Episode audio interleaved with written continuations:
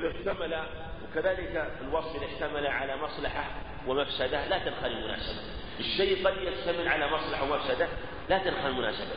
مثلا جلد الزاني وقطع السارق فيه مصلحة.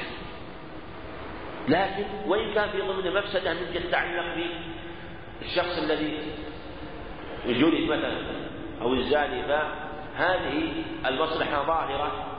المصلحة ظاهرة بإيقاع الحد. قال وللمعلل ترجيح وصفه بطريق التفصيل يختلف باختلاف المسائل وهو إجمالي وهو لو لم يقدر ولو وهو لو لم يقدر رجحان المصلحة ثبت الحكم تعبدا.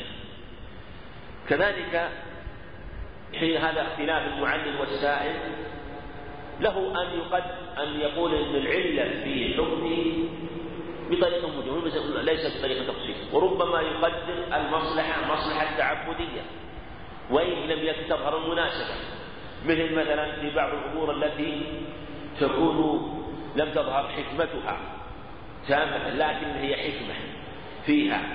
الحكمة فيها ظاهر الحكمة فيها حكمة لكن قد لا نعلم حكمتها. وخاصة هذا يظهر في باب العبادات في باب الحج. أما ما مسألة المناسب قالوا المناسب مؤثر اعتبر بنص إجماع وملائم واعتبر بترتيب الحكم على الوصف فقط. إلى آخره هذا في المناسب المناسب منقسم إلى مؤثر وإلى ملائم وإلى غريب. يعني المناسب معنى المناسب هو ما يتبادر مصلحته عند النظر فيه وينقسم إلى مؤثر وملائم وغريب. ولهذا قال بعد ذلك وكل من الثلاثة حجة يعني الملائم والمؤثر. الملائم المؤثر ما هو؟ هو الذي ظهر تأثيره بالنص أو بالنص والإجماع. يعني ظهر تأثيره من يعني تعليله من الشارع. مثل قول عن من مس ذكره فليتوضأ. شوف علق التعليق الشرط والجزاء. من مس شرط جملة شرطية ثم جزاء. فليتوضأ. هذا جواب الشرط. طيب. ف فالحكم يثبت فالحكم هو وجوب الوضوء عند مس الذكر كذلك أيضا وجوب أو الولاية على الصغير والصغيرة.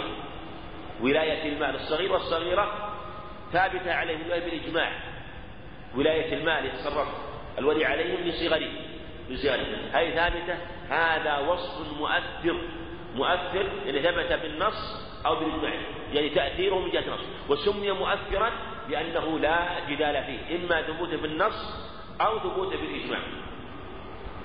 كذلك الملائم يعني الملائم هو الذي تظهر مناسبته وملاءمته تظهر مناسبته وملاءمته وإن لم يظهر بالنص والإجماع لكن بقياسه وإلحاقه غيره مثلا تقديم الإخوة الأشقة على الإخوة الأب في باب الميراث. هذا واضح. لكن يلحق بهم تقديم الإخوة الأشقة على قول على الإخوة الأب في ولاية النكاح. في ولاية النكاح. لما قدموا عليه في باب الولاية في الميراث قدموا عليه في باب الولاية في ماذا؟ في هذا وصف مناسب وصف التقديم كذلك أيضا وصف المشقة في الجمع بين الصلاتين. في الجمع بين الصلاتين مثلا. لأجل ماذا؟ لأجل المشقة. وإن لم يأتي نص لكن التعليل لأجل المشقة. هذا وصف ملائم لتعاليم الشرع أنه يعتبرها. الوصف الغريب هذا اختلف فيه. هل هو معتبر أو ليس معتبر؟ ولهذا قال الثلاثة كلها حجة. الغريب يعني الذي لم يظهر اعتباره في الشرع في نصوص أخرى إنما هو غريب ومحتمل. هل اعتبره الشارع أم لم يعتبره؟ ولهذا قالوا إنه غريب. مثل مثلا تحريم قليل الخمر وقال وإلا في غريب غريب مثلا. وإلا في غريب. مثل ما ألحق الصحابة رضي الله عنهم إن الصحابة رضي الله عنهم ألحقوا شارب الخمر بالقادر. في القصة مشهورة واختلف صحتها إنها تثبت. قال علي رضي الله عنه إذا سكر هذا وإلى هذا احترى ويحد المفتري ثمانون. فقالوا إن هذا إلحاق المفتري أو القاذف أو شارب الخمر بالقاذف لأن شرب الخمر مظنة لماذا؟ للقذف مظنة للقذف فألحق بالقذف وإن كان قول الأظهر في مثل هذه المسألة القول هذه المسألة أنه أنه تعزير في الحقيقة وأنه لا ليس بحد وأنه إلى الإمام وإلى الحاكم يحكم به بما يرى. إن شاء حكم بالجلد بثمانين وإن شاء حكم بأكثر وإن شاء حكم بأقل كما هو المعروف من سيرته عليه السلام وهديه وهدي أصحابه رضي الله عنهم. وإن نعم. من نعم. وكل من الثلاث حجة. وإن اعتبر الشارع جنسه البعيد بجنس الحكم فمرسل ملائم وليس بحجة. هذا عندنا عندنا المناسب الملائم. وفيه مرسل ملائم. ومرسل غريب ومرسل ملغي هذا المرسل هذا المناسب الملائم غير المرسل الملائم.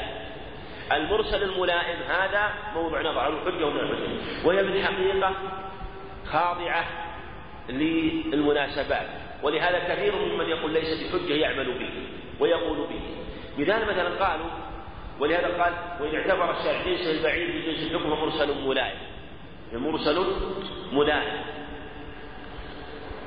إيش معنى مرسل؟ المرسل هو الذي أرسل بلا قيد معنى أنه لم يأتي دليل على اعتباره. ولم يأتي دليل على إلغائه فهو مرسل. هذا المرسل الملائم مثل تحريم قليل الخمر يحرم شرب قليل الخمر لأنه يدعو مثلا إلى كثيرها قالوا مثل تحريم الخلوة بالأجنبية لأنه يدعو ماذا إلى الزنا. لأن الخلوة بالأجنبية مظنة لماذا؟ للزنا. فحرمت الخلوة بالأجنبية لأنه مظنة الزنا كذلك حرم شرب قليل الخمر لأنه يدعو إلى كثيرها. وهذا في الحقيقة قول ليس بحجة هو يعني من حيث الجملة. وإلا قد تأتي مناسبات تدل على أنها حجة حجة. وهذا يأتي إليه إشارة في مصالح المرسل.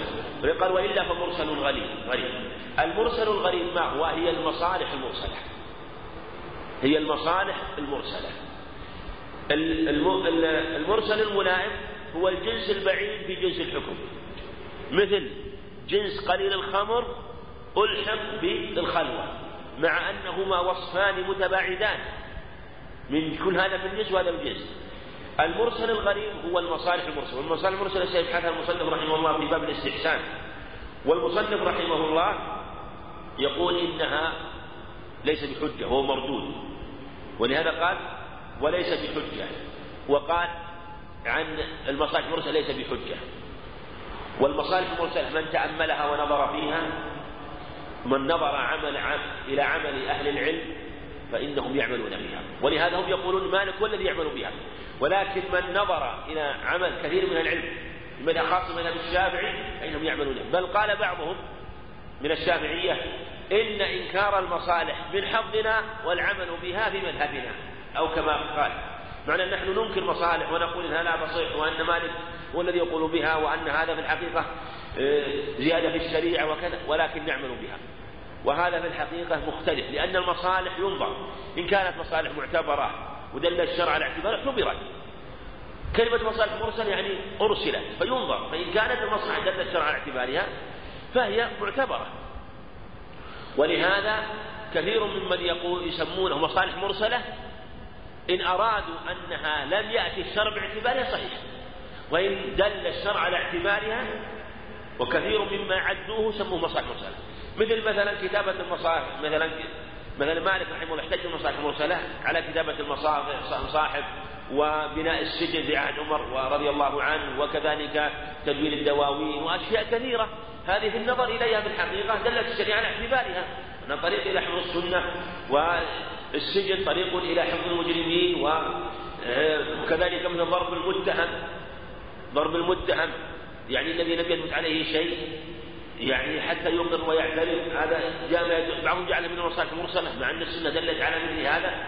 فهو في الحقيقة ينظر إلى الواقع المعين فإن دل معنى صحيح على وأن في مصلحة فالشريعة لا تأتي بإلغاء المصالح. والمصالح جاءت بها الشريعة. وعلى هذا ينبغي التفصيل في مسألة المصالح المرسلة ويقال إن هذا الشيء إن دل على اعتباره فهو معتبر وإلا فليس معتبر أو مرسل ثبت إلغاؤه وهما مردودان. المرسل وهما مردودان. أو مرسل ثبت إلغاؤه هذا في الحقيقة مردود. المرسل عندنا المرسل مرسل ملائم ومرسل غريب ومرسل ثبت إلغاءه المرسل ثبت إلغاءه هذا واضح ما في هذا هو الذي يرد أما المصالح المرسلة أو أو المرسل الملائم هذا ينظر. فإن دل عليه دلت مصلحة واضحة غالبة فالشريعة لا تأتي بغير المصلحة. لكن ينبغي أن تكون هذه المصلحة لا المصلحة تخالف المصلحة.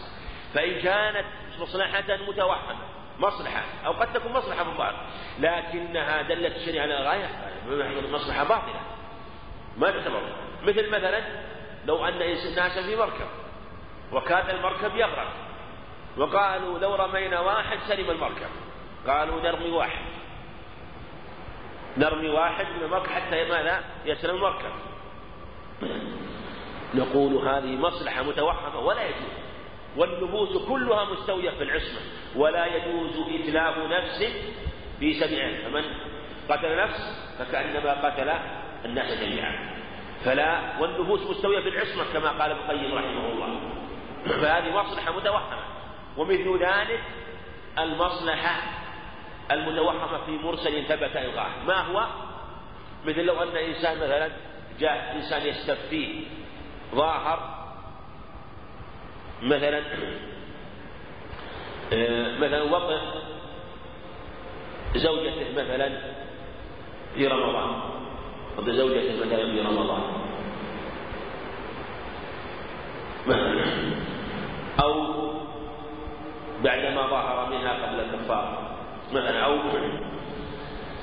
يعني المقصود أنه وضع زوجته يعني في رمضان. فقال مثلا فجاء يسأل فالواجب ماذا عليه؟ عتق رقبة. فإن لم يجد فصيام شهرين فإن لم فإطعام ستين مسكين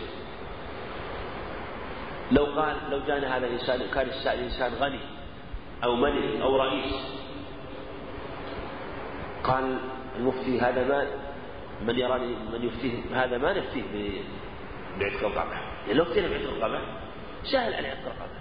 يعتق رقبة ويقع يطأ ثانية هذا نفتيه الصوم شهرين متتابعين. حتى ماذا يكون؟ أردع له. لأن الصوم على الشاق فنفتي ماذا بالصيام. ولو كان واجب للرقبة. شو نقول في هذا؟ وش؟ هذا الذي أفتاه شو يراعي مصلحة في نظره. وهي دفعه وردعه عن هذه المعصية. يقول افتي بهذا. وهذه أفتى به بعض العلماء المالكية بعض الحكام والمرأة في زمانه. وكان الفقهاء حاضرين. يحيى يحيى قال أحد الفقهاء في زمانه فسكتوا ولم كان هو مقدمه كبيرهم فلما خرج من عند السائل قال وفيته بعتق رقبة. لا عليه أن يطع كل يوم ويعتق ما يبالي لكن افتيته بصوم شهرين حتى يرتدع.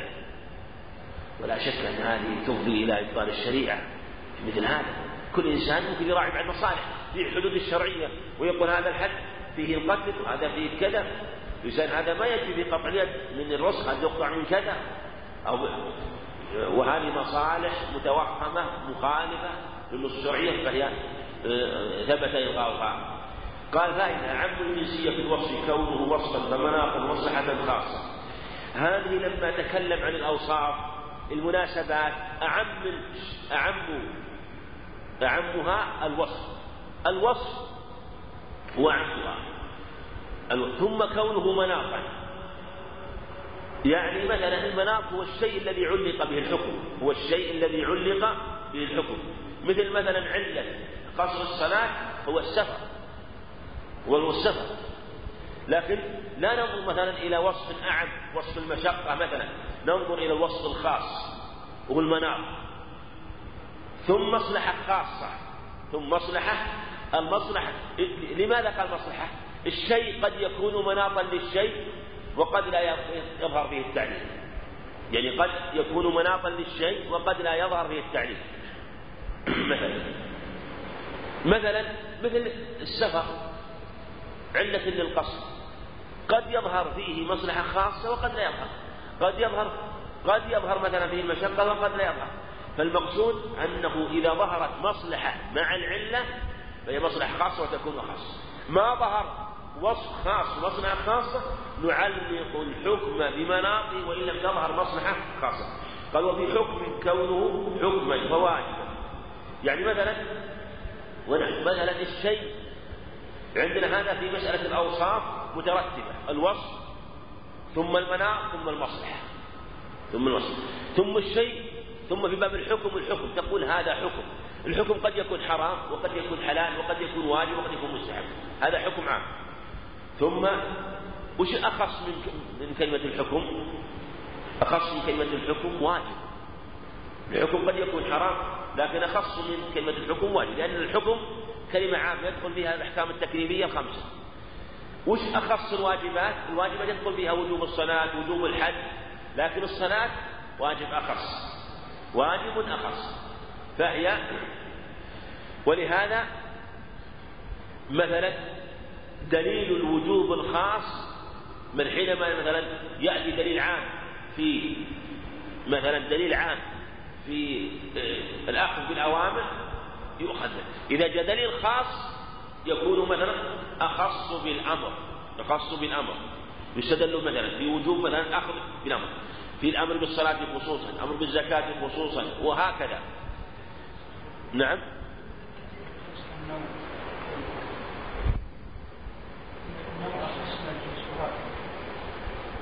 نعم إذا أردت مثلا يعني مثلا الجنس ثم النوع ثم الفصل ثم الخاصة ثم العرب. كذلك مثل ما تقول مثلا الجنس النبات أو الحياة. يدخل بالحياة الحيوان والنبات ثم أخص منه الحيوان. ثم ولهذا قالوا يعني بل بل موجود والموجود نامي وغير نامي والنامي يدخل به الحي وغير الحي والحي يدخل به حيوان وغير حي الحيوان ناطق وغيره. وهكذا. و و ويدخل به الإنسان وغيره والإنسان فيه يدخل به مثلا العربي والأعجمي وهكذا. إلى أن تصل إلى خصوص الإنسان. ثم إذا الإنسان يدخل بالصفات الخاصة. العرب مثلا يعرف له من الضحك والبكاء وتأثير الأخص بالأخص أقوى والأعم بالأعم يقال الأخص بالأخص والأخص بالأعم وعكسه هذه في الحقيقة يعني تتبين بالمثال. تبين مثال هنا لما لما ذكر أن الحكم يكون عاما ويكون خاصا. يكون حكم يكون عام ثم يكون خاصا معنى حرام يكون أو واجب ويكون خاصا وهو مثلا وجوب الصلاة. من الحرام يكون عاما تحريم محرمات تحريم الزنا والربا مثلا وهكذا. يقول تأثير الأخص في الأخص. ولهذا مثلا عندنا مثلا يعني في يعني مثال قد تتبين مثلا هذه الأشياء كلها مثلا مثلا عندنا جنس المشقة في الشريعة والحرج موضوع وما جعل في الدين حرج. هذا عام لجميع تكاليف الشريعة. كل ما فيه حرج عام. عام لعموم الشيء فهو عام يقابل عام. هذا العموم في المشقة يشمل عموم الأحكام.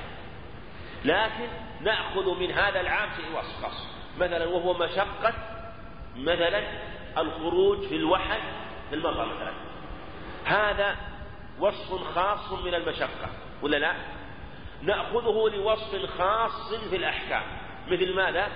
وجوب الصلاة إذا هذا الوصف الخاص نحن نقول من من أبواب المشقة الساقطة في الشريعة نأخذ خصوص مشقة المشي في الوحل مثلا ونقول لمشقة المشي في الوحل شرع جمع الصلاة إلى الأخرى التي تجمع إليها. كذلك مشقة تكرار الصلاة. مشقة تكرار الصلاة مثلا في حق الحائض على القول بتعليلها سقطت عنها لأجل مشقة التكرار. فالخاص مع الخاص مشقة التكرار مع مع خاص الخاص وشو والصلاة. ما نقول عام في الشريعة فالخاص مع الخاص والعام مع العام من جهة أن عموم الشريعة يشمل جميع الأحكام في عموم المشقة وهو أنها تسقط عند وجودها. ولهذا يختلف العلماء اختلاف كثير. لهذا ولهذا أحيانا قد تكون المشقة مثلا في أعلى الدرجات وقد تكون في أدناها وقد تكون في الوسط. فأعلى درجات المشقة يعني بلا شك أن الساق وأدناها غير ساق والوسط مختلف فيه. هل يلحق بالأعلى أو يلحق بالأدنى؟ كل بحسبه. والله أعلم. الخامس إثباتها بالشبه. الخامس من مسالك العلة إثباتها بالشبه. الشبه يقال شبه وشبه وشبيه مثل مثل ومثل ومثيل. وهو ما يشبه الشيء. قال وهو تردد فرع بين أصلين لشبهه بأحدهما في الأوصاف أكثر. هذا الشبه سمي مسلك الشبه لأنه تردد بين أصلين. وحصل تردد في إلحاق. هل هو بالأصل هذا أو بالأصل هذا؟ وذكروا عليه مثال مثل العبد المملوك. هل يلحق مثلا بالبهيمة والمال أو يلحق بالمسلم الحر؟ بالحر المسلم من ألحقه مثلا بالمال وقال إنه يباع ويشترى فهو يشبه سائر الأموال التي تباع وتشترى فعلى هذا قالوا إنه لو قتل لو قتله مثلا لو قتله إنسان فإنه فيه قيمته ولو تجاوزت الدية لو أن مثلا قتله إنسان وكان وقوم هذا المملوك سوى مثلا مئتي, مئتي ألف صار يسوي مئتي ألف. مئتي ألف أكثر من دية الحر مسلم ولا أقل. نعم؟ أكثر يعني أكثر من دية. تجاوز يعني على التقدير المشتهر إنها, إنها أكثر على التقدير المشهور. يعني صارت نقول مثلا صارت صارت تجاوز قيمتها أكثر من 100 من الإبل مثلا. 100 من الإبل في في في, في باب الدية. تجاوز أربعة أربعة مئة تجاوز مئة سواء كانت أرباعا أو أخماسا. أرباعا أو أخماسا على الخلاف في هذا. هل مثلا نقول إنه فيه قيمته بالغة؟ ما بلغت لأننا ألحقناه بالأموال لشبهه بالأموال من كونه مباشرة أو نقول إنه فيه القيمة ما لم يجاوز الدية. فإذا جاوز الدية فإننا لا نجاوز به أكثر من مئة من الإبل. لأننا نلحقه بماذا؟ بالحر المسلم. فالحر المسلم لماذا الحقنا بالحر المسلم؟ لأنه مأمور بال... لأنه مكلف. يؤمر بالصلاة ومأمور بالصلاة ومأمور بسائر العباد ومأمور بالإيمان والإسلام. فهو مكلف مسلم كالحر المسلم. فهل يلحق فهل يلحق بالمكلف لشبهه به؟ أو يلحق بسائر الأموال لشبهه بها. فإن لحقناه مثلا بسائر الأموال قلنا إن قيمته بالغة ما بلغت. وإن الحقناه بالحر المسلم قيل إن قيمته ما لم تجاوز الدية. إذا هذا هو هو مسلك الشبه. وكثير من الأصوليين يقرون به وبعضهم يبطله ويقول إنه لا يصح مسلك الشبه لأن مسلك الشبه في الحقيقة ليس مسلكا مناسبا وتعليلا لأجل الشبه. فلهذا هو معنى تردد فرع بين أصلين تردد فرع بين أصلين. مثل مثلا من ألحق مثلا الخيل بالحمر الأهلية وقال إنها محرمة الأكل. قالوا لشبهها بها في الصورة الظاهرية وقال إنها محرمة الأكل. فلهذا هو له أمثلة. في لشبهه بأحد في الأوصاف أكثر. الظاهر والله أعلم مثل ما يأتي أنه صحيح عند عدم المسلك المناسب. إذا لم يوجد مسلك العلة فيه فيعتبر هو عند الحاجة على الصحيح عند الحاجة. ولهذا يعتبر إذا تردد بين فرعين نلحقه بأكثرهما شبها. فلو أنه مثلا أشبه ذاك الأصل في ثلاثة أوصاف وأشبه الأصل الثاني في أربعة أوصاف نلحقه بالأصل الذي أشبهه به بأربعة أوصاف دون الأصل الذي أشبهه به بثلاثة أوصاف. ويعتبر الشبه حكما لا حقيقة. الشبه حكمي لا حقيقي. ولهذا مثلا لو اعتبرنا الشبه الحقيقي لألحقنا الحر. لو اعتبرنا الشبه الحقيقي هل نلحق الحر مثلا بالإنسان ولا بالأموال؟ هو هو من جهة الشبه الحقيقي. وش أقرب إلى ماذا؟ أقرب إلى الإنسان. لأنه إنسان قائم. يعني هو أقرب شبها حقيقيا بالإنسان من شبهه بالأموال. ولهذا قال يعتبر الشبه حكما.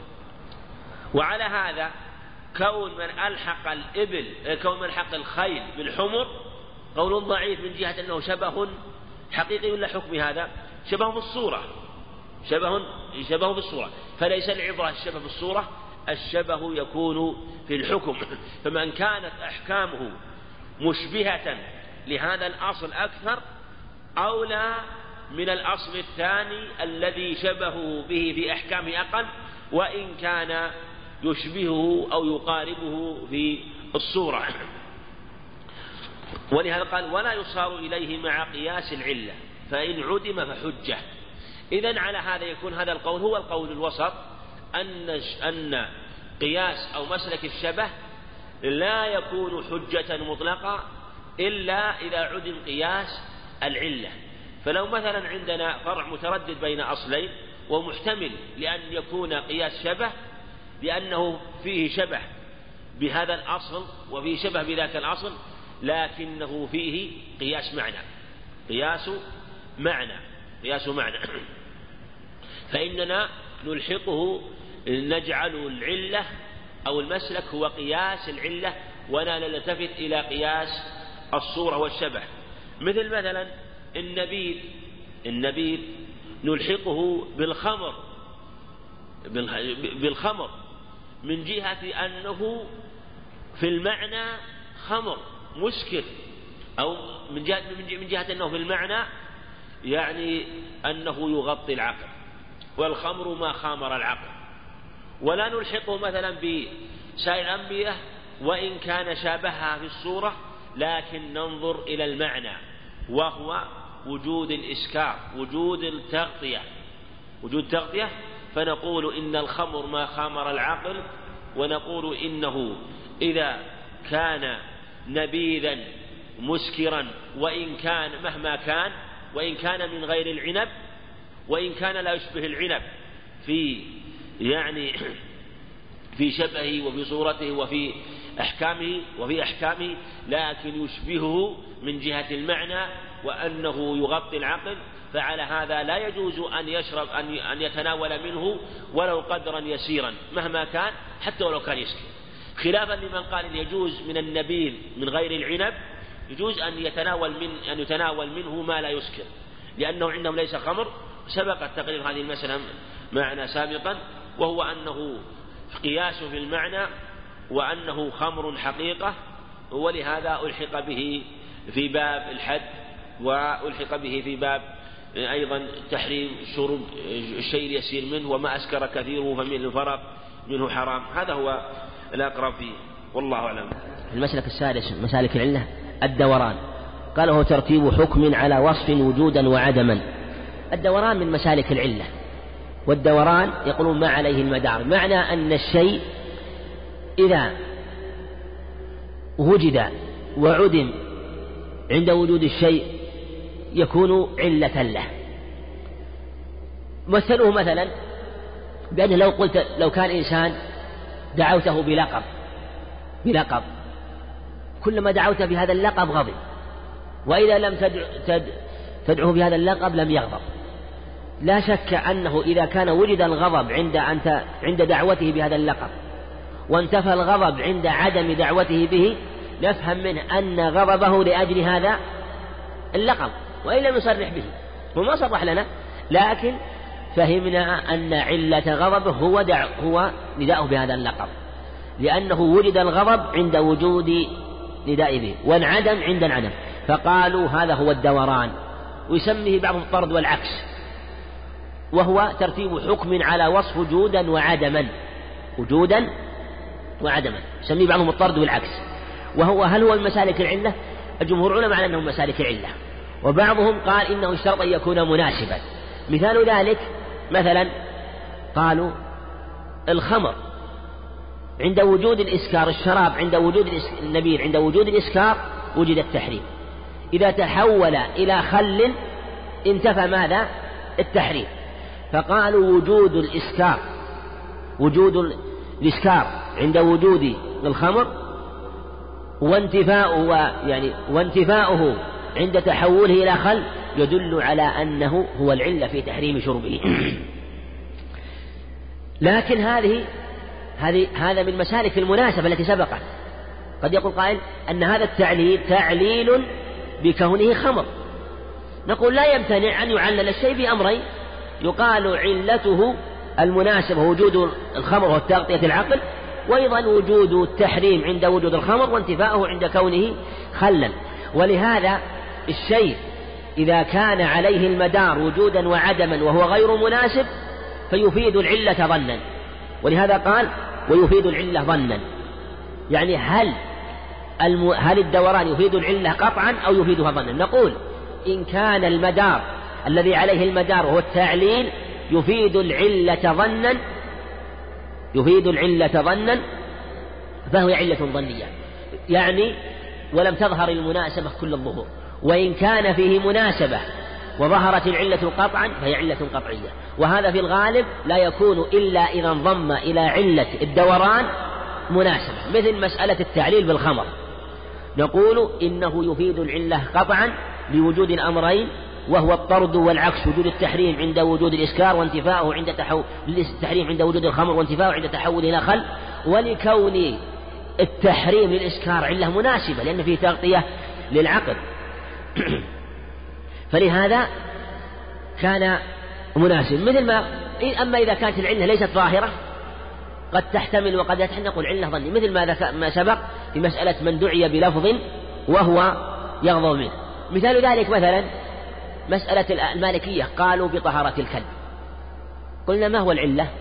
قالوا لأن مثلا بهيمة الأنعام إذا كانت حية في حال الحياة طاهرة.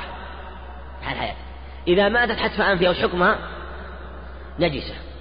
قالوا لما كانت وجدت الطهارة في حال الحياة وحكمنا بالنجاسة إذا كانت ميتة نفهم أن علة الطهارة ما هي؟ هي الحياة. لكن هل علة قطعية ولا ظنية؟ هذه علة ظنية قد تصح وقد تصح. ولهذا قلنا إن هذا الدوران وهو الطرد والعكس وهو يعني وجود الطهارة في حال الحياة وانتفاؤها في حال الوفاة وهو المعبر بالطرد والعكس. أو أو أو, أو الوجود والعدم هذه علة ظنية. فهم أجروا الحكم وقالوا الكلب طاهر لأنه حي. وربما قالوا أيضا في مسألة الخنزير.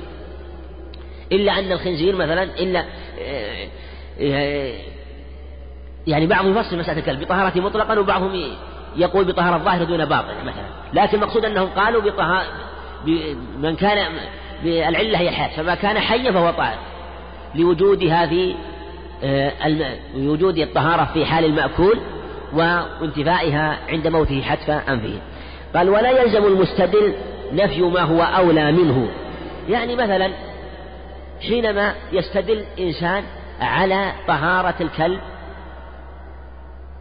لأنه حي لأن لأن الشاة إذا كانت ميتة فهي نجسة إذا كانت حية طاهرة.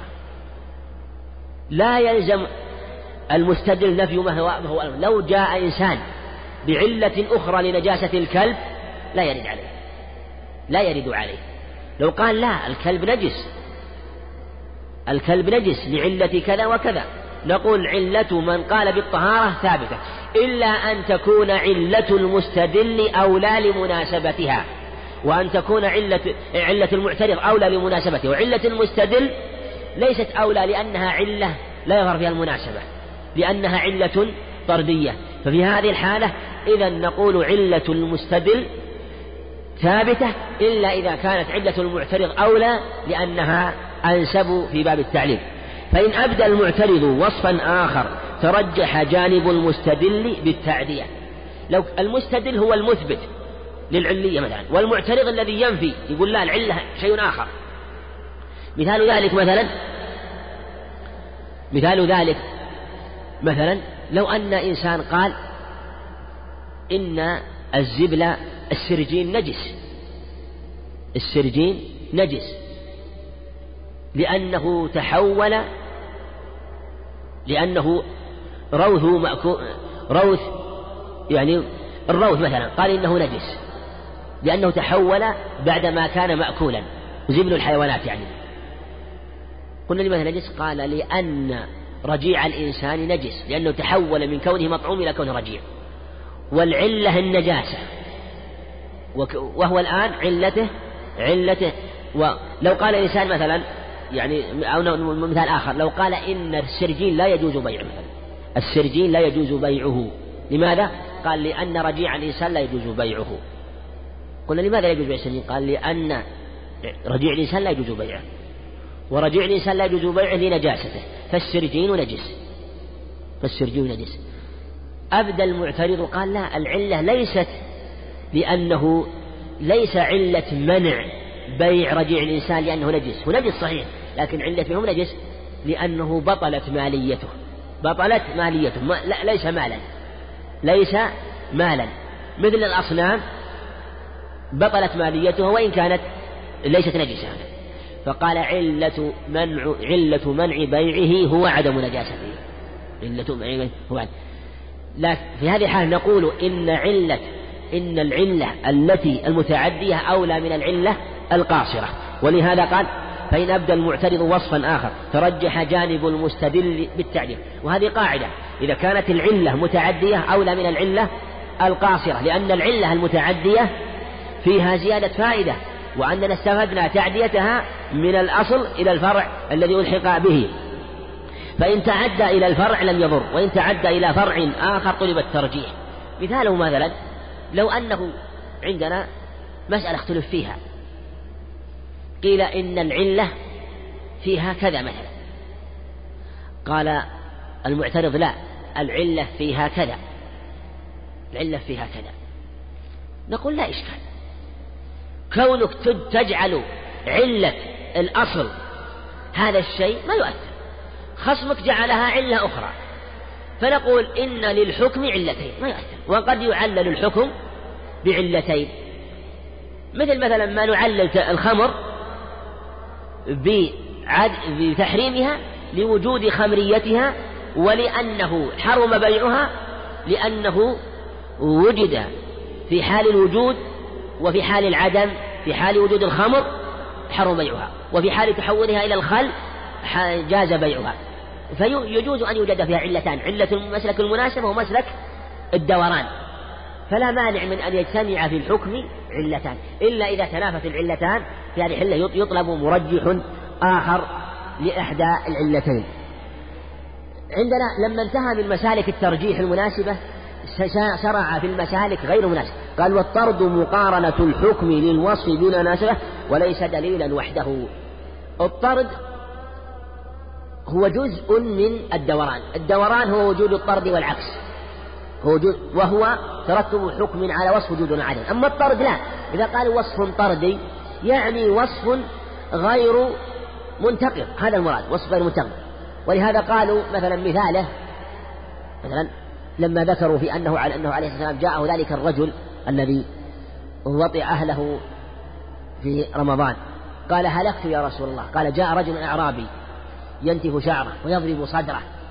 قال وأخبر أنه جامع أهله في رمضان. فالرسول عليه قال أتجد كذا أتجد كذا. رقبة تصوم شهر متتابعين إلى أن قال أطعموا أهلك. لما جاءه ذاك المكسر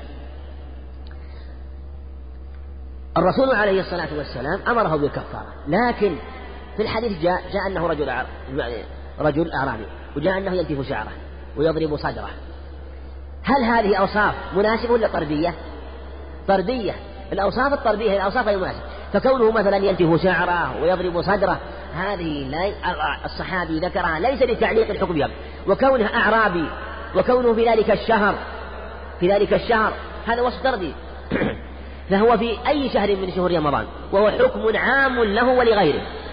ولهذا الحكم المتعلق مثلا بالرجال يعم النساء هذا الأصل هذا هو الأصل. ما نقول مثلا يخص الرجال دون النساء. لأن كون ذكر وكون أنثى وصف طردي إلا ما دل الدليل على تخصيصه. ما دل الدليل على تخصيصه. ولهذا الحقنا الأمة بالعبد في توصيف الحد وأن عليه وأن عليه نصف ما على أن أن أن أن عليه نصف على البكر في في الحد وهو خمسون. خمسون جلدة. لا فرق بين المتزوج وغير المتزوج والأمة والبكر و فهو يعني كونه في الأمة فهو ملحق به أيضا العبد وكون هذا ذكر وكون أن هذا وصف طردي لأنه لانتفاء ولهذا قال يعني قال لانتفاء الفارق. لانتفاء الفارق. فالوصاف الطردية هي الأوصاف غير المناسبة. الأوصاف التي تسلم من النقض.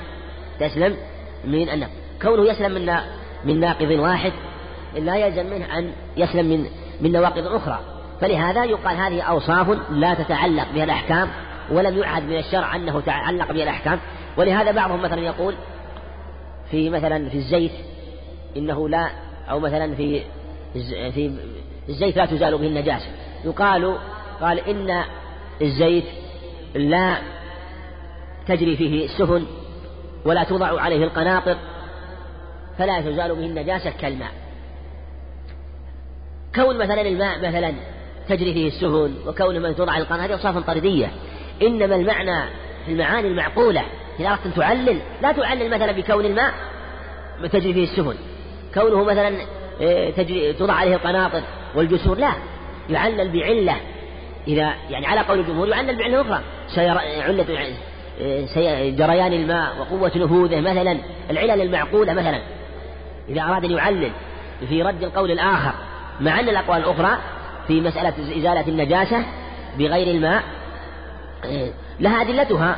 وذكر أن المعاني موجودة في الماء موجودة في غيره وربما كانت أولى بإزالة النجاسة من الماء. فالمقصود أن المعاني أن الأوصاف الطردية هي الأوصاف غير مناسبة أو الأوصاف التي لم يعد من الشارع أن يعلق بها الأحكام فهي هي أوصاف مضطردة ولهذا سيأتي معنا في تنقيح المنار أنه إذا جاءك مثلا سمى شيء سمى تنقيح المنار وتخليصه وتهذيبه.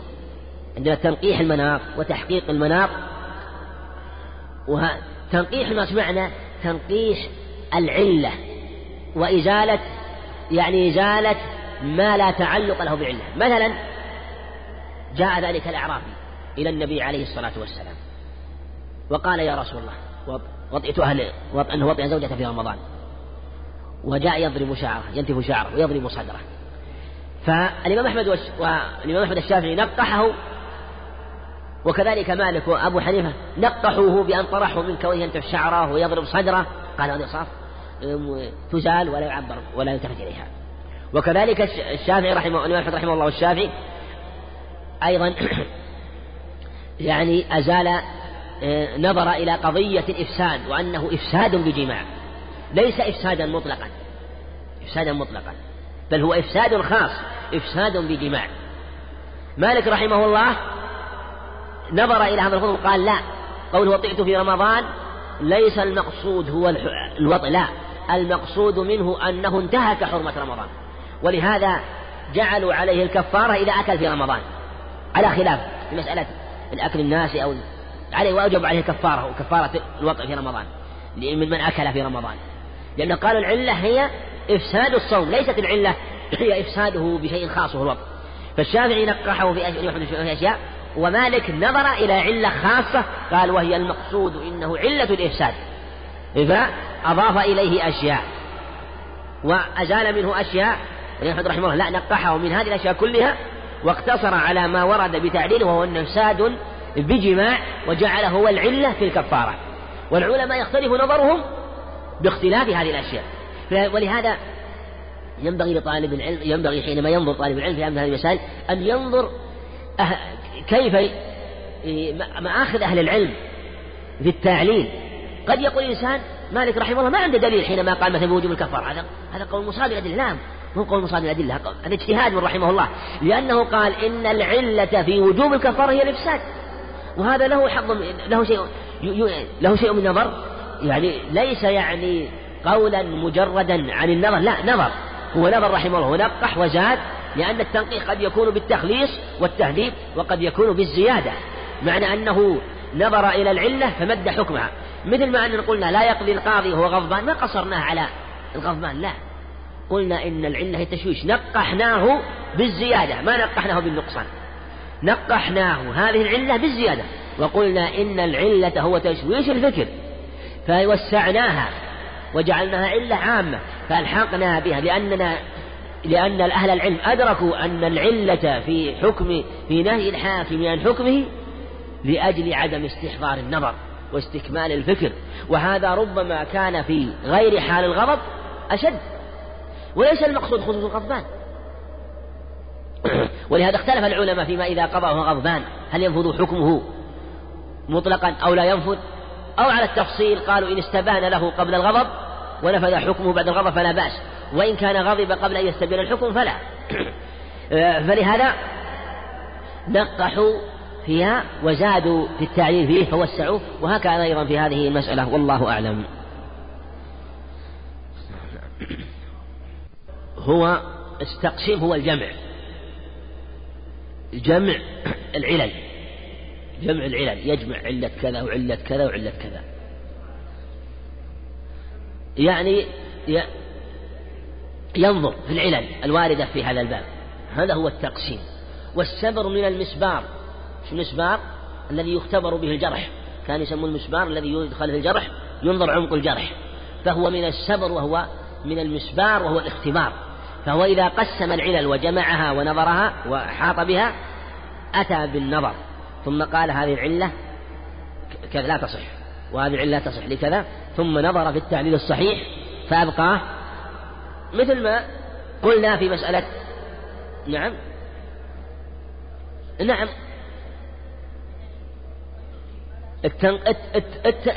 التنقيح والنظر أقول التنقيح التنقيح هو النظر فيها. تنقيح المنار يعني تخليصه.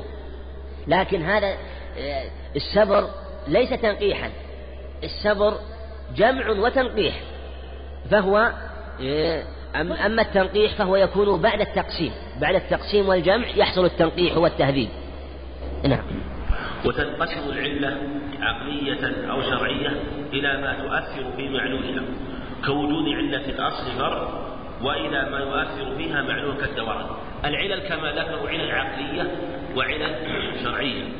فالعلل الشرعية ما سبق ذكره والعلل العقلية هو مثل يقولون الشيء إذا كسر انكسر. وإذا جبر انجبر. هذا يدرك بالعقل. وهي نوعان. ما يؤثر إلى ما تؤثر في معلولها. كون علة الأصل في الفرع. مثاله مثلا لما اختلف العلماء في علة الربا ما هي؟ فعلى القول مثلا بأن علة الربا القوت. قالوا إن هذه العلة الموجودة في الأصل وهي البر والملح هذه العلة موجودة في الأصل. أثرت في المعلول وهو الفرع فألحق بها كل ما يقتات من جهة أنه أن العلة مأخوذة من ماذا؟ من الأصل. فهي التي أثرت وهي التي أثر حكمها في وجودها في المعلول في المعلول وهو المتفرع عنها الملحق بها بالأصل أما ما يؤثر بها معلولها إذا كان الشيء لم يثبت أصلا بعلة ولهذا قال كالدوران. ولهذا قال الدوران هو ترتيب حكم على وصف وجودا وعدما. وجودا وعدما. مثلا مثل